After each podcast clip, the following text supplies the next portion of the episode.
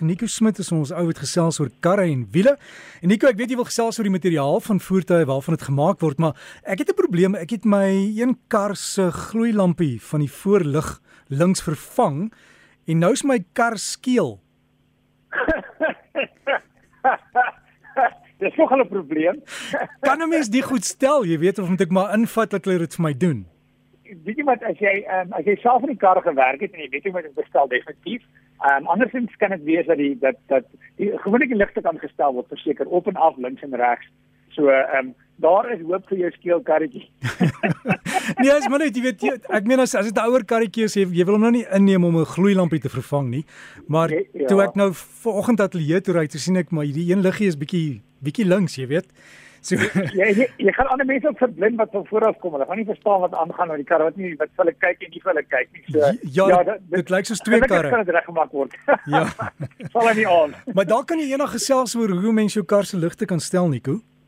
Ja, ek sal van maak. Ek dink nuwe karre, weet ek, is dit baie meer moeilik. As jy vroeër was dit 'n gloeilampie en en jy kon dit maklik stel, maar met die nuwe karre ehm um, met ehm um, uh, kom ons sê matrix tipe ligte, is dit nie iets wat jy sal kan verstel nie. Jy definitief werkswinkel nodig om dit goed te stel. Om die tegnologie tegnologie is baie hoog uh, in hoe hulle werk en die hulle gestel word baie akkuraat en baie van die ligte werk tans met 'n kamera. So die uh, die die die die as jy byvoorbeeld die ligte aan het en 'n voertuig kom van voor af, gaan die kamera sien waar die kar is en hy gaan een of twee van jou hoofligte se se liggies dom of sodat die kar wat nie verblind word nie en dan links en regs van daai kar is die hoofligte nog aan.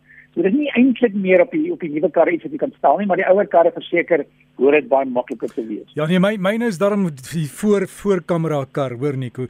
Ehm um, jy wil gesels oor die materiaal waarvan voertuie vervaardig word? Is is nie meer net metaal en plastiek nie, né? Dis reg, weet jy wat ehm um, um, oor die jare ehm um, het die uh, natuurlik in sekere tye byvoorbeeld in die Tweede Wêreldoorlog uh, het hulle hout sekere voertuie gebruik om om koste te bespaar. Ehm um, en tans die materiaal wat ons maar die meeste sien in voertuie is staal. Daar is um, van die voertuie kan aluminium hê, dit moontlik koolstofvesel, natuurlik baie plastiek, rubber, glas en magnesium. So wanneer jy 'n kar voertuig maak, is daar 'n paar faktore wat jy moet in ag neem om om om dit goed te doen. Eers net eerste een is die gewig van die voertuig. Want hoe swaarder die gewig, ehm um, as die voertuig swaarder is, beteken dit jou brandstofverbruik is meer, jou verrigting is minder, jou topspoed is minder. Uh so uh, die vervaardigers poog altyd om die voertuig so lig as moontlik te maak. So as jy kyk na die ou karre, ehm um, was hulle baie swaar. Hulle al die panele was was staal en het krom gehad. So dit was 'n swaar ou voertuig en mense het altyd gedink weet jy daai ou karre is baie veilig omdat hulle uh, so so baie metaal het en hulle baie sterk voel, maar dit is eintlik nie regtig waar nie. Daar's 'n 'n goeie video op YouTube wat jy kan soek. Ehm um, crash test van 'n Chevrolet Bel Air teen 'n Chevrolet Malibu. En dan sal jy sien dat die ou karre regtig nie eintlik baie goed gedoen het nie omdat die die behalwe vir die gewig was die botsings ehm um, ehm um, veiligheid nie baie goed van die ou karre nie.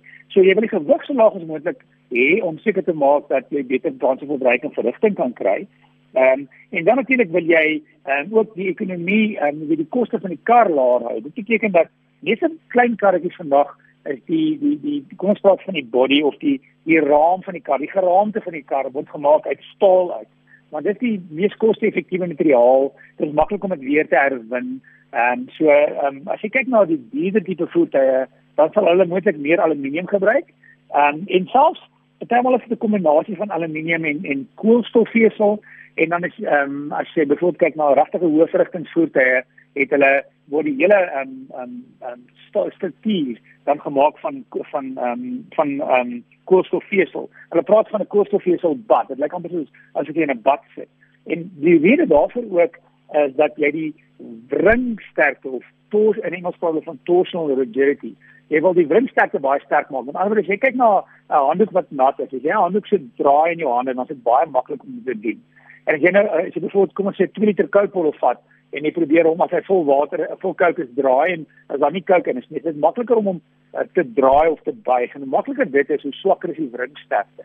En 'n kar wil jy baie goeie wringsterkte hê want natuurlik beteken dit die botsingssterkte is beter, die hantering van die voertuig is beter want die, wringsterkte sterker is. En dis wat byvoorbeeld daai koolstof koolstofvesel bad kan doen, as hy maak hom um, baie sterker.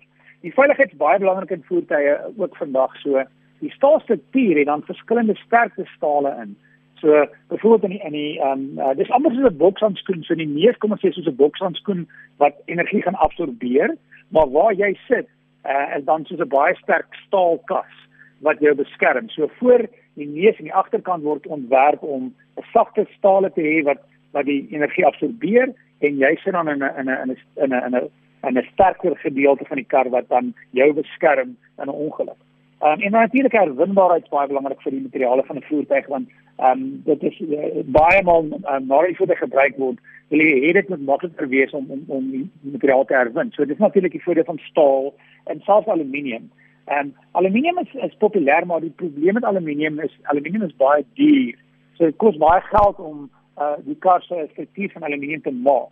As jy kyk na aluminium en jy dieselfde hoeveelheid gewig aluminium uh, teenoor staal is daar baie meer materiaal in die aluminium met ander woorde die aluminium is baie sterker. Maar natuurlik die koste is baie hoog. En natuurlik die die nadeel van 'n staalstruktuur is dat hy kan roes.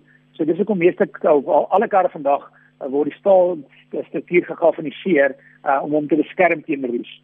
Ehm um, so die dit is maar uh, die materiale wat gebruik word, dit gaan gaan maar oor die koste natuurlik aan die einde van die dag, uh, maar die fokus is altyd om die gewig laag te hou en die veiligheid ehm um, so hoog as moontlik te hê. Dankie Nico, goeie naweek vir jou en lekker braai. Dankie jy ook. En so gesels Nico Smit dan oor motors en waarvan dit vervaardig word deesdae en tegnologie, né? As jy vir hom wil e-pos, hy het 'n e-posadres, dis wiele by rsg.co.za. wiele by rsg.co.za.